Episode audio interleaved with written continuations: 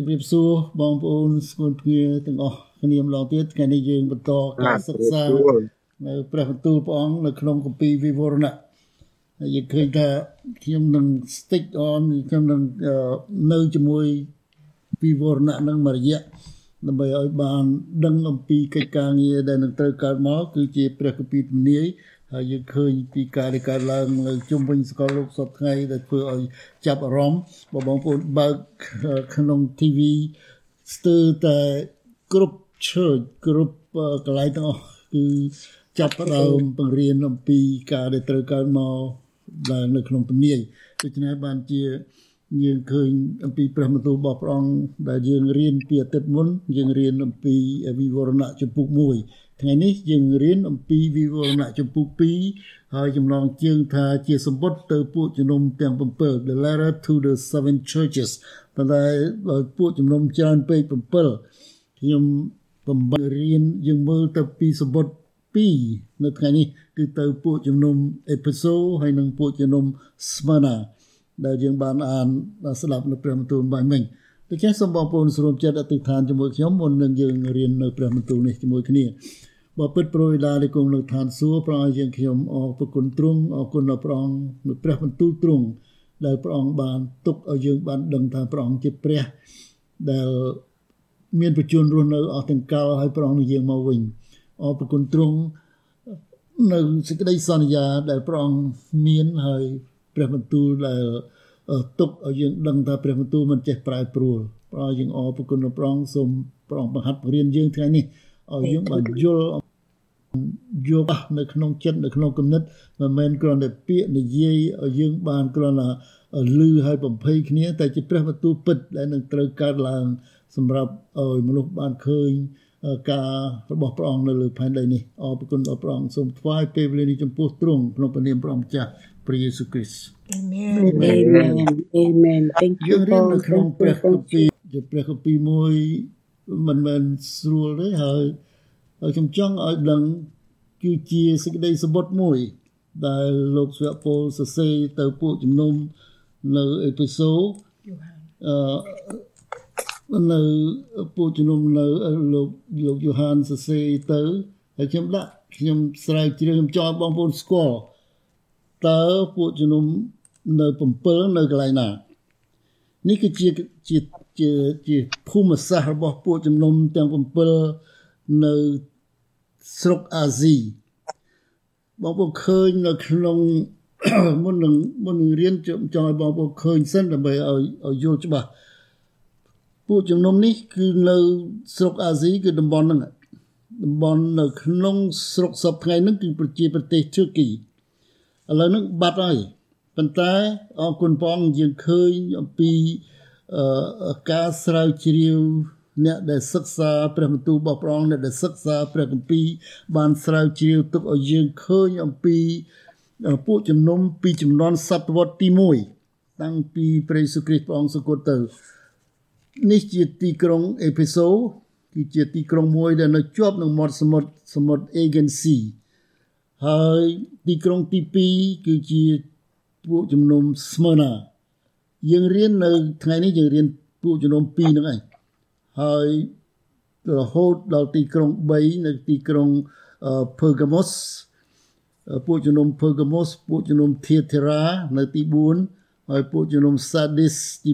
5ពួកជំនុំ Philadelphia ទី6ហើយនឹងចុងគេ Laodicea យើងនឹងមើលទៅពេលក្រោយដូច្នេះថ្ងៃនេះយើងមើលពួកជំនុំ2ចង់ឲ្យបងប្អូនឃើញនេះជាពួកជំនុំអេភីសូសប្តាហ៍ថ្ងៃ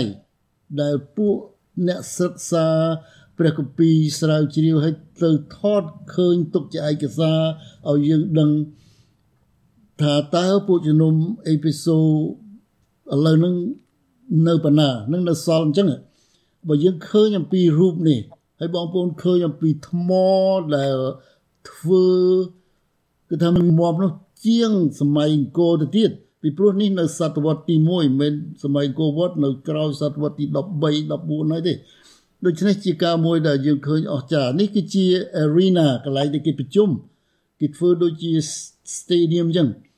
នេះជាទីក្រុងពួកជំនុំនៅ episode Ephesus Church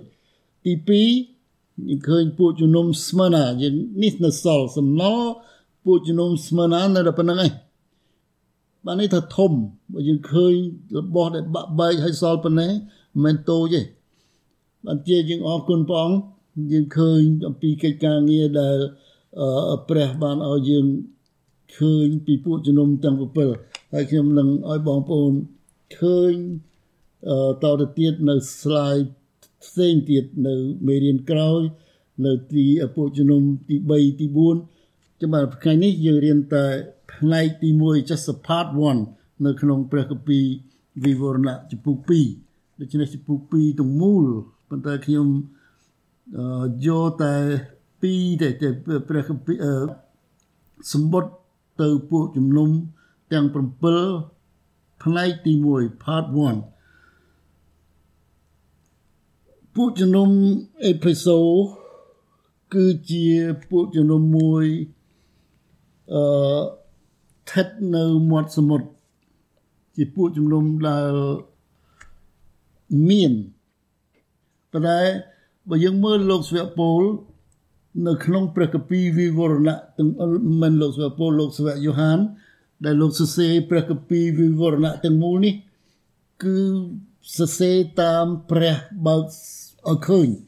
ឃើញហើយលឺហើយសរសេរ នៅខុសគ្នាអំពីលោកសវៈផ្សេងទៀតដែលសរសេរនៅក្នុងព្រះគម្ពីរសញ្ញាថ្មីបងប្អូនដឹងថាពេលព្រះយេស៊ូវលោកចាប់ផ្ដើមនេះជាពាក្យសម្ដីព្រះយេស៊ូវដែលចាប់ផ្ដើមឲ្យលោកស្វៈយូហានសរសេរសម្បត្តិលោកប្រើពាក្យថាអញស្គាល់ការអញស្គាល់អស់ទាំងការដែលឯងធ្វើនឹងគឺជាឃើញយើងឮនៅក្នុងអឺពាក្យព្រះបន្ទូលរបស់ព្រះអង្គ អញស្គាល់អញស្គាល់អស់ទាំងការដែលឯងធ្វើបើយើងគិតទៅពីជីវិតយើងម្នាក់ម្នាក់ហើយព្រះអង្គថាអូអញដឹងការអញដឹងចិត្តឯងដែលឯងធ្វើនៅបងប្អូនបើយើងឮព្រះអង្គថាអញ្ចឹងសម្រាប់យើងតើយើងគិតថាអ្វីខ្លះនៅក្នុងចិត្តយើងដែលព្រះអង្គស្គាល់ហើយតើយើងត្រូវសម្រួលយ៉ាងម៉េចដើម្បីនឹងឲ្យសម ទៅនឹងព្រះដែលយើងជឿដែលដែលព្រះអង្គទ្រង់ធំព្រះអង្គទ្រង់សុចរិតព្រះអង្គទ្រង់ទ្រង់ទ្រង់អស្ចារ្យលោកសរសេរទៅពួកជំនុំថាអញស្គាល់អស់ទាំងការអ្វីដែលឯងធ្វើហើយចុងក្រោយព្រះអង្គសន្យាថាចំពោះអ្នកណាដែលឈ្នះណាចំពោះអ្នកណាដែលឈ្នះនឹងប្រងឲ្យរង្វាន់ផ្សេងផ្សេងដូច្នេះនៅក្នុងសម្បត្តិមួយមួយ មានទម្រង់បែបបត់ ដែលព្រះបណ្ដាលឲ្យលោកយ៉ូហានសរសេរនឹងមាន format មានតំពិលនឹងស្ទើរតែកាត់ស្តៀងគ្នាដែលព្រាប់ឲ្យយ៉ូហានជំនុំទាំងអស់គឺជាយ៉ូហាននេះទី2សេ format ពីទងជាទាំងអស់នៅក្នុងសេចក្តីល្អការអាក្រក់ហើយជំនុំជម្រះដូច្នេះព្រះអង្គអត់ compromise ទេព្រះអង្គអត់យកយល់ទេល្អព្រះអង្គទទួលសម្រាប់ព្រះ អាក្រក់ព្រះអង្គជំនុំជម្រះណាបងប្អូនព្រះព្រះមានតែពីរសហើយនឹងខ្មៅ yes ហើយនឹង no អត់មានថាអូជឿព្រះអង្គ80% 70%ដោយបងខ្ញុំជួបបងប្អូនខ្លះខ្ញុំមិនទាន់គ្រប់ទេលោកគ្រូប្រហែលជា70% 80%កាពីអត់មាននិយាយទេកាពីអត់មានរាប់ អ្នកជឿប្រមាណភាគរយជឿពេលណានេះបងប្អូនចាំចោលដែលដែលជាប់ឆ្កាងជាមួយព្រះអង្គ last breath ដែលទទួលស្គាល់ព្រះអង្គថាព្រះ គឺបានសង្គ្រោះហើយដូច្នេះគុំឲ្យយកអានឹងមកច្បោកច្បល់នៅក្នុងជីវិតយើងអឺនឹងនិយាយអំពីសេចក្តីជំនុំជម្រះគឺយល់ទៅតាមការប្រព្រឹត្តរបស់ពួកគេតាមបុគ្គលតាមពួកជំនុំដែលធ្វើដែលព្រះអង្គជ្រាប ព្រោះព្រះអង្គមានព្រះបន្ទូលថាអញដឹងការដែលឯងធ្វើអឺទម្រង់ទី4ដែលមានតសេទៅគ្រប់ពួកជំនុំរំលឹកគេដាស់តឿនគេឲ្យប្រយ័ត្នអ្វីដែលព្រះប្រមាននោះតែកាលណា when god warning កាលណាព្រះប្រមានត្រូវកែប្រែ you get a change you get a អឺ repent ត្រូវតែប្រែប្រែមិនទុកយូរទេភ្លាមដូច្នេះយើងឃើញក្រៅពីទម្រង់បែបបទដែលស្តៀងគ្នាក្នុងសម្បត្តិនីមួយៗគឺដៅចំណាំចំណុចមួយមួយហ្នឹងចំបញ្ហាមួយមួយដែលមាននៅក្នុងពួកជំនុំហើយនឹងកិច្ចការមួយចំនួន ដែលត្រូវតែកែប្រែហើយកែប្រែជាបន្ទាន់អាស្រ័យហេតុនេះដើម្បីឲ្យបានយល់ហើយយកមកអនុវត្ត សម្បត្តិមួយថាបរិបទសាច់រឿងដើម្បីឲ្យយើងបានយល់បើសិនយើងមិនអានយើងអត់យល់ទេមិនដឹងថាតើកន្លែងណាដែលដែលត្រូវនឹងជីវិតយើងហើយយើងត្រូវ adjust យើងត្រូវរៀបរយដើម្បីឲ្យបានត្រូវតាមព្រះបន្ទូលរបស់ព្រះអង្គហើយដូចគ្នានេះដែរដែលគួរឲ្យចាប់អារម្មណ៍បំផុតគឺថាព្រះបន្ទូលព្រះយេស៊ូវទៅពួកជំនុំទាំង7នៅសតវត្សទី1នោះ ជាកិច្ចការដែលមាននៅចំនួននោះ ហើយក៏មានគ្រប់ចំនួនសពថ្ងៃនេះ រួមទាំងនៅក្នុងពួកជំនុំយើង នៅក្នុងជីវិតយើង ម្នាក់ម្នាក់ហើយដែលយើងត្រូវយកមកអនុវត្តធ្វើតាមគ្រប់គ្នាព្រះម្ចាស់ទ្រង់មានប្រជញ្ញរស់រស់ឡើងវិញគឺជាព្រះយេស៊ូវគ្រីស្ទព្រះអង្គនៅក្នុងចំពុក1ខ14ថាទ្រង់មានព្រះនេតដូចអណ្ដាតភ្លើង បងប្អូនយើងនឹករៀនពីលើកមុនអំពីលោកយ៉ូហានឃើញព្រះលោកយ៉ូហានឃើញព្រះយេស៊ូវព្រះនេតព្រះអង្គដូចអណ្ដាតភ្លើងបានន័យថាព្រះទ្រង់កំពុងពិនិត្យមើលយើងគ្រប់គ្នា មិនមែនមើលតែខាងក្រៅទេព្រះអង្គមើលទៅក្នុងបេះដូងយើងទៀតសម្រាប់យើងពួកអ្នកជឿគ្រប់គ្នាថាតើ អ្នកណាមានលក្ខណៈសម្បត្តិពិតប្រាកដជាអ្នកគ្រីស្ទៀនគ្រប់គ្រាន់ឬនៅព្រោះព្រះអង្គពិនិត្យមើលព្រះអង្គពិនិត្យមើលហើយព្រះអង្គឲ្យលទ្ធផលហើយលទ្ធផលពីការដែលព្រះអង្គពិនិត្យមើលនឹងដើម្បីឲ្យយើងបានដឹងថាបានល្អយ៉ាងណាគឺដោយសារយើងស្ដាប់ព្រះបន្ទូលព្រះ ដោយសារការដែលយើងខិតខំសិក្សា ពីការដែលព្រះបើកសម្ដែង ពីអំណាចព្រះជាស្ដារបស់ព្រះ ហើយចាក់ចុចចិត្តយើង convict ឲ្យយើងដឹងថាយើងបានធ្វើខុសហើយយើងប្រែចិត្តហ្នឹងហើយដែលសំខាន់ដូច្នេះការនោះវាមានតាំងពីពួកជំនុំនៅចំនួនសតវត្សទី1ពីជាង2000ឆ្នាំមុនហើយក៏ត្រូវរហូតមកដល់យើងសពថ្ងៃនេះដែរ នៅក្នុងចំណោមពួកជំនុំទាំង7មាន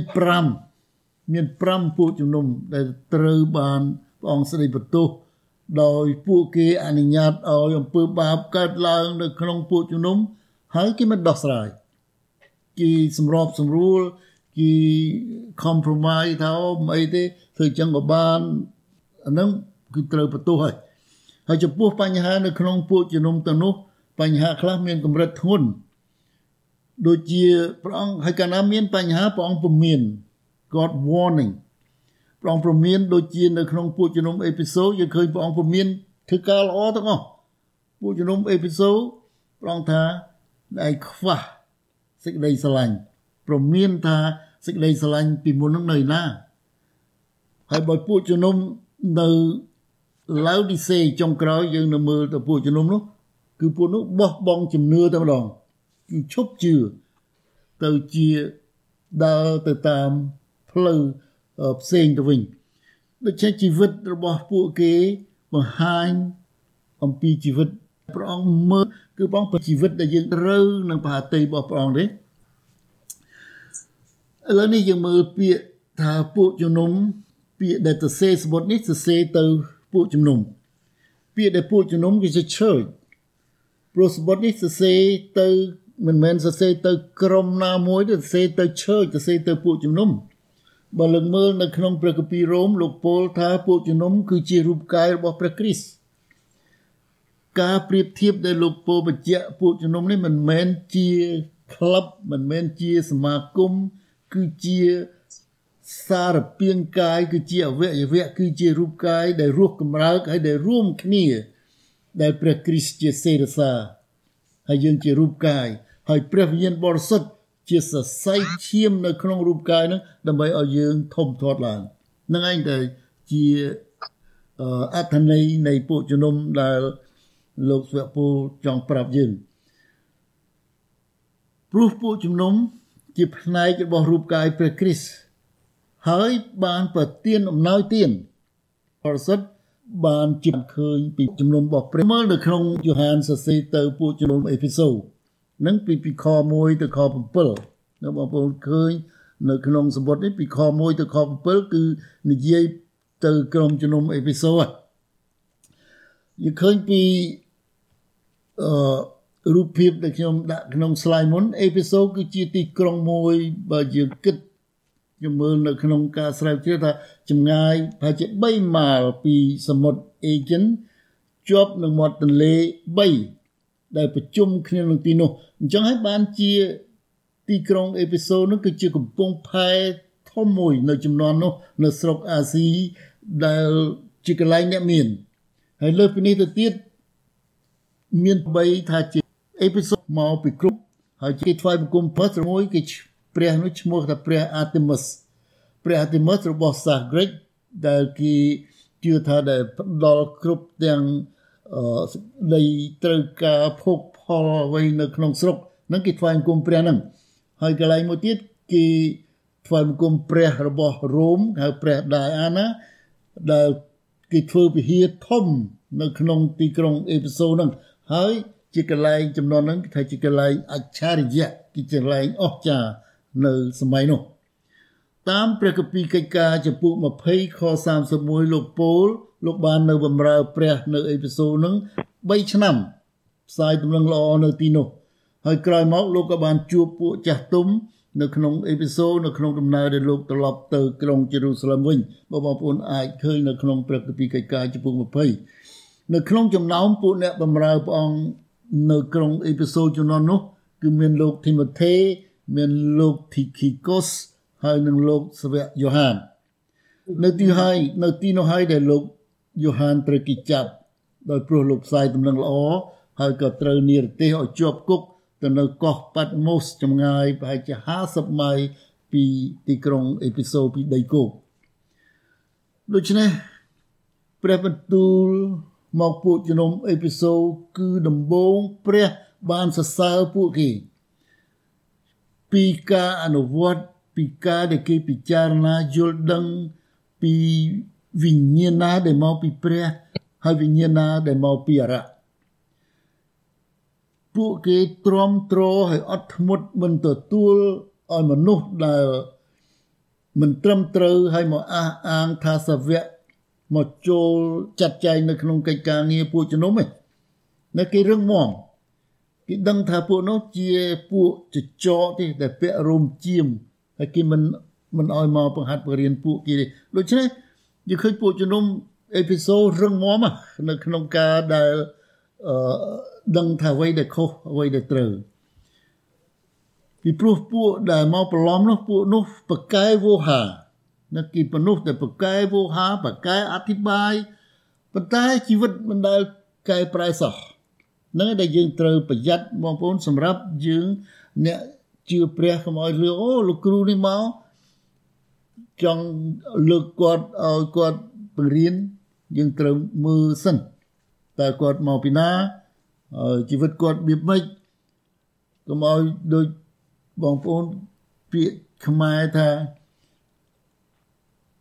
អឺពុតគ្រូកុំត្រាប់ប្រច្បាប់គ្រូនោះឲ្យយកអ្នកគ្រីស្ទៀនអត់ទេបើថាអ្នកឯងមិនធ្វើតាមច្បាប់យើងមិនមិនទទួលពាក្យបង្រៀនរបស់លោកគ្រូនឹងទេត្រូវបង្ហាញផលផ្លែណាបើសិនជាជីវិតអត់ប្រែអត់ផ្លាស់ប្រែអត់ មានផលផ្លែអត់ធ្វើជាគំរូបាន យើងមិនរួមជាមួយការនឹងហើយពួកជំនុំអេពីសូគឺគេយល់ច្បាស់ពីការនឹងដូច្នេះគេឆ្លងកាត់ការលំបាកការបៀតបៀន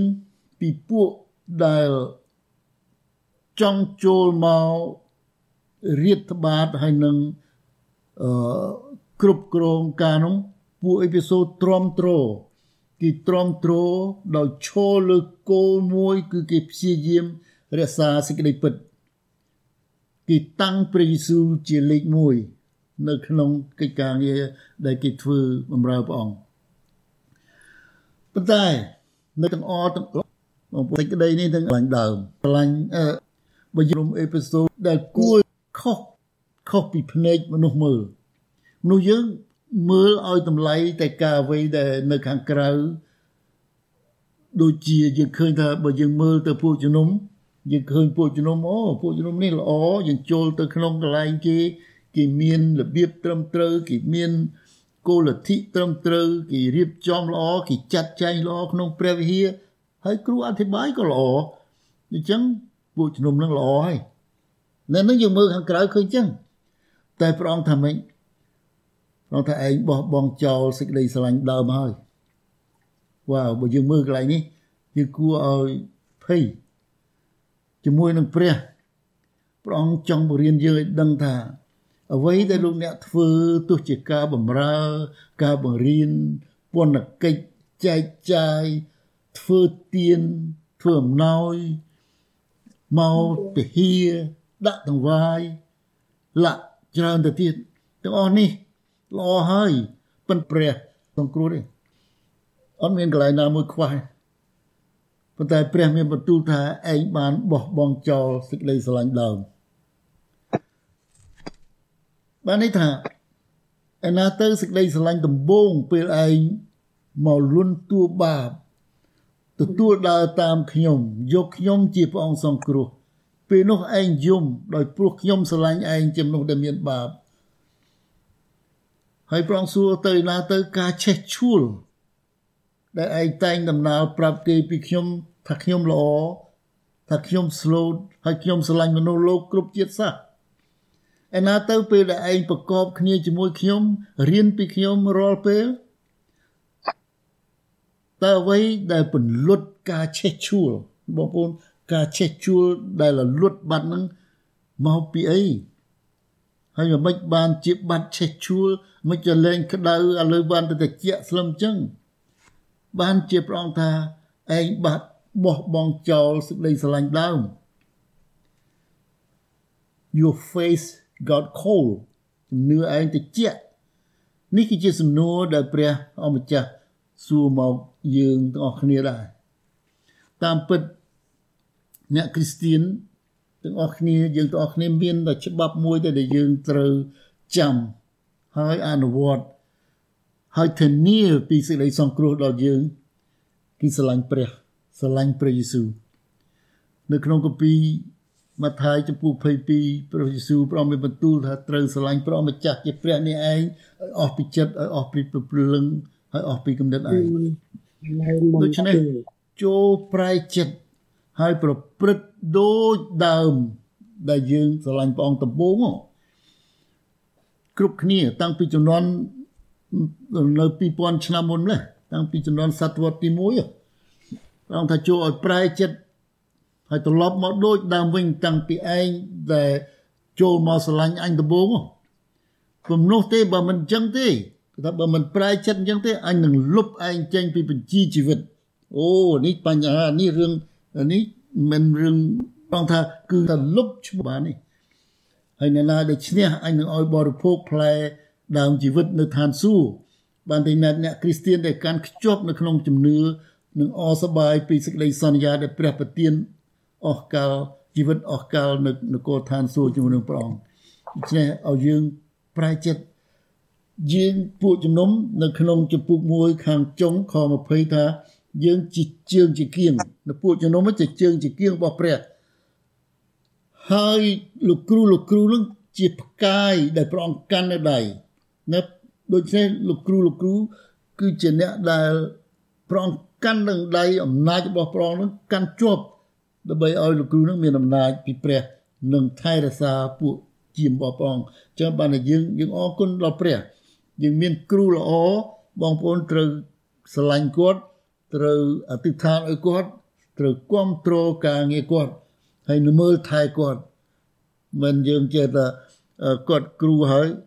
គាត់អ្នកបំរើហើយប្រើឲ្យអស់ថ្លៃឯងដូចអ្នកខ្លះគេនិយាយអញ្ចឹងគាត់ជាអ្នកបំរើប្រើគាត់ទៅសេទៅពួកជំនុំស្មើណានឹងពីខ8ខ8ទៅខ11ពួកជំនុំស្មើណាដូចខ្ញុំជិះឃើញជម្រាបបងប្អូននៅក្នុង slide មុនចឹងគឺជាក្រុមជំនុំមួយធំដែរប៉ុន្តែសល់តែសទេប៉ុន្តែបើយើងមើលពី structure ដែលវាខូចខាតអស់ទៅមិនមែនក្រុមជំនុំទូចទេនិយាយអំពីស្មើណាម្ដងស្មើណាគឺជាទីក្រុងកំពង់ផែរបស់ពួកគេហៅថាអភិជនអ្នកមាន ដែលស្ថិតនៅ40ម៉ាយពីអេពីសូតបងប្អូនឃើញនៅក្នុងអឺព្រះគម្ពីរបាយមិញ នៅក្នុង slide បាយមិញចង់ឲ្យបងប្អូនឃើញម្ដងទៀតនៅក្នុងអឺអេពីសូតនៅក្នុង slide ពីស្មើណាបាទនេះគឺជាពួកស្មើណានៅក្នុងពីទីក្រុងអេពីសូតទៅស្មើណាហ្នឹងប្រហែលនៅក្នុងនេះគេដាក់ថាប្រហែលជា40ម៉ៃ40ម៉ៃវាបើគិតជាគីឡូមួយម៉ៃ ដូចនេះគឺជាមសុទ្ធសាស្ត្រខាង science ហើយនិងខាងអឺ medicine នឹងដូច្នេះស្មើណាមិនមែនជាទីក្រុងអន់ទេហើយបន្ថែមពីនេះទៀតស្មើណាជាមណ្ឌលមួយជា center មួយ ដែលគេជួបជុំថ្វាយបង្គំស្ដេចអធិរាជរ៉ូមនេះនេះវាវាចូលទៅក្នុងបញ្ហាមួយដែលពួកជំនុំពួកអ្នកជឿព្រះនៅតំបន់ហ្នឹងមានមានការលំបាក បានជានៅចំនួនស្ដេច Domitian ដែលលោកសោយរាជនៅឆ្នាំ81ទៅឆ្នាំ95នោះលោកចេញបទបញ្ជាមួយយ៉ាងធ្ងន់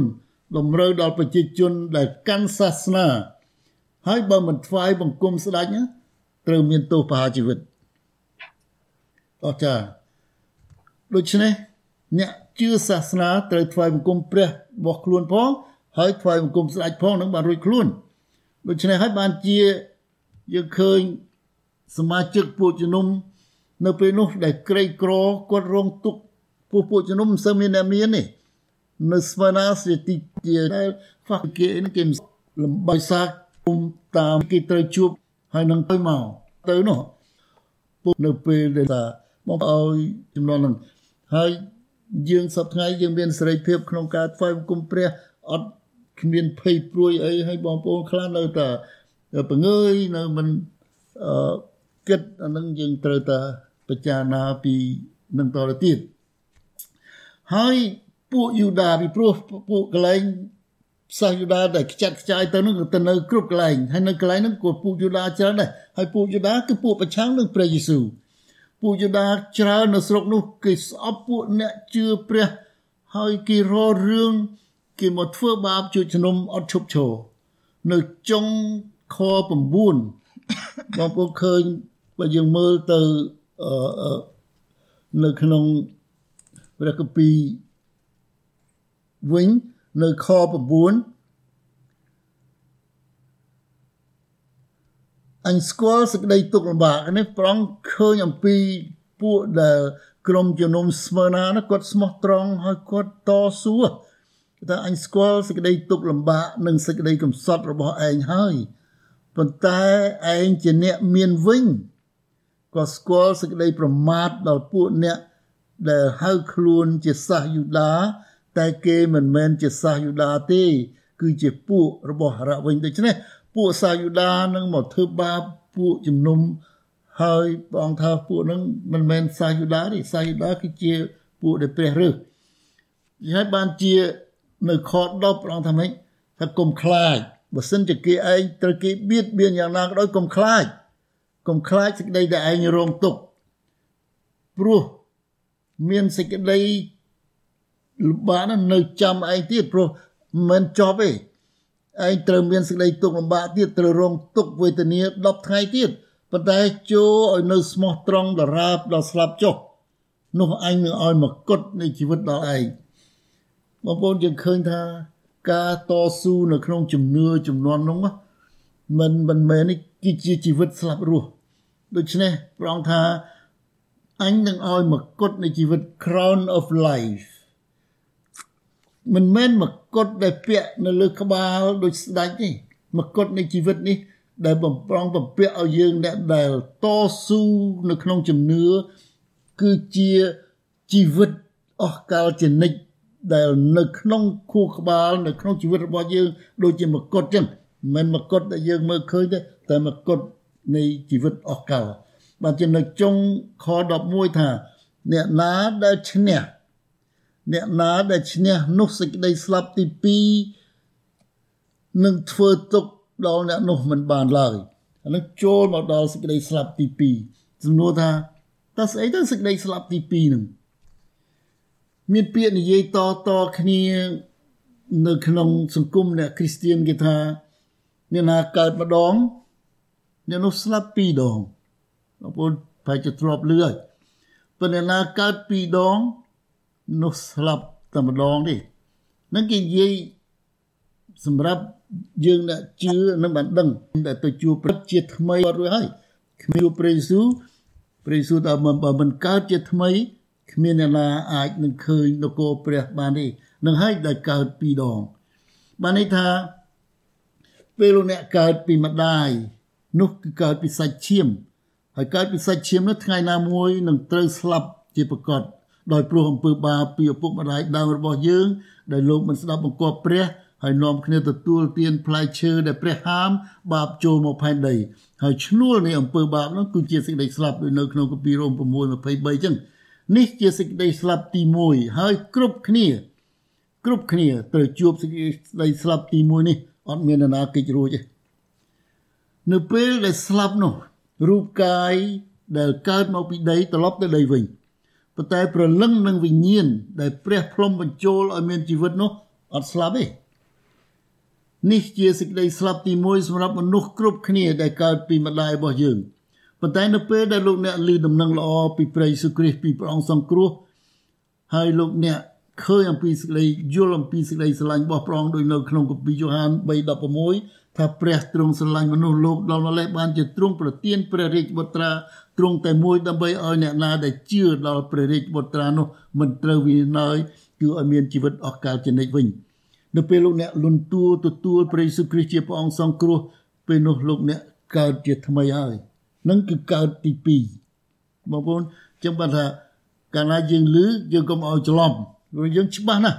យើងជាមនុស្សដែលកើតជាថ្មី លោកអ្នកកាលណាកើតជាថ្មីកើតម្ដងទៀតនោះគឺមានមានឈ្មោះនៅក្នុងបញ្ជីជីវិតអញ្ចឹងបានជាយើងឃើញនៅក្នុងអឺ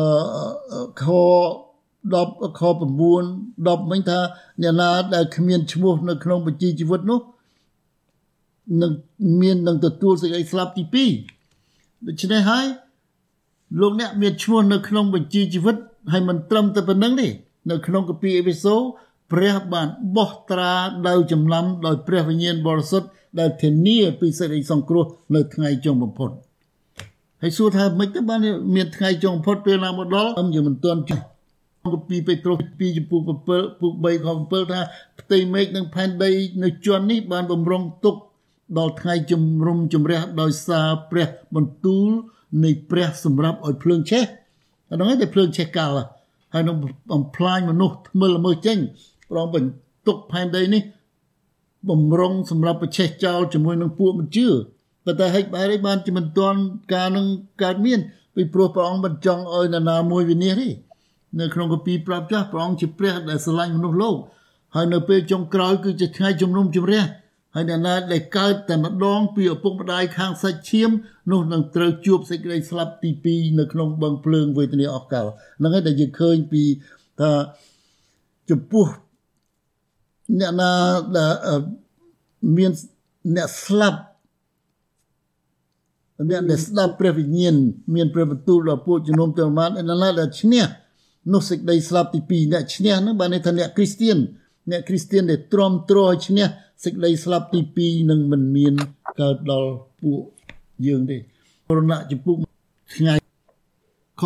11ខ្ញុំក៏ឃើញបល្ល័ង្កមួយយ៉ាងធំនឹងព្រះអង្គដែលគង់លើឯផែនដីនិងផ្ទៃមេឃក៏រត់ពីចំពោះទ្រង់ចេញឥតឃើញមានកន្លែងណាឲ្យនៅទៀតទៀតឡើយនោះខ្ញុំឃើញមនុស្សស្លាប់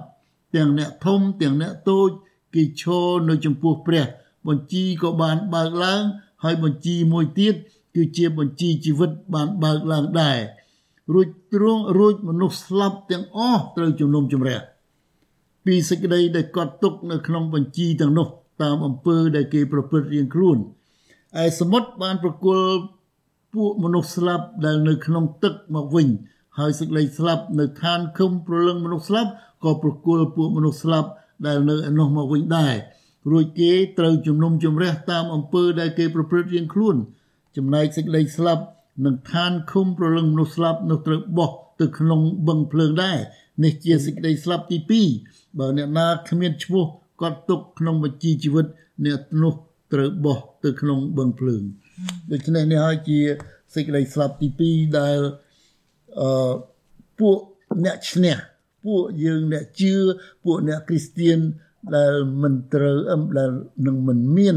មកដល់ជីវិតយើងទាំងអស់គ្នានៅក្នុងពេលនោះទេអរគុណបងសូមឲ្យព្រះបន្ទូលនេះបាន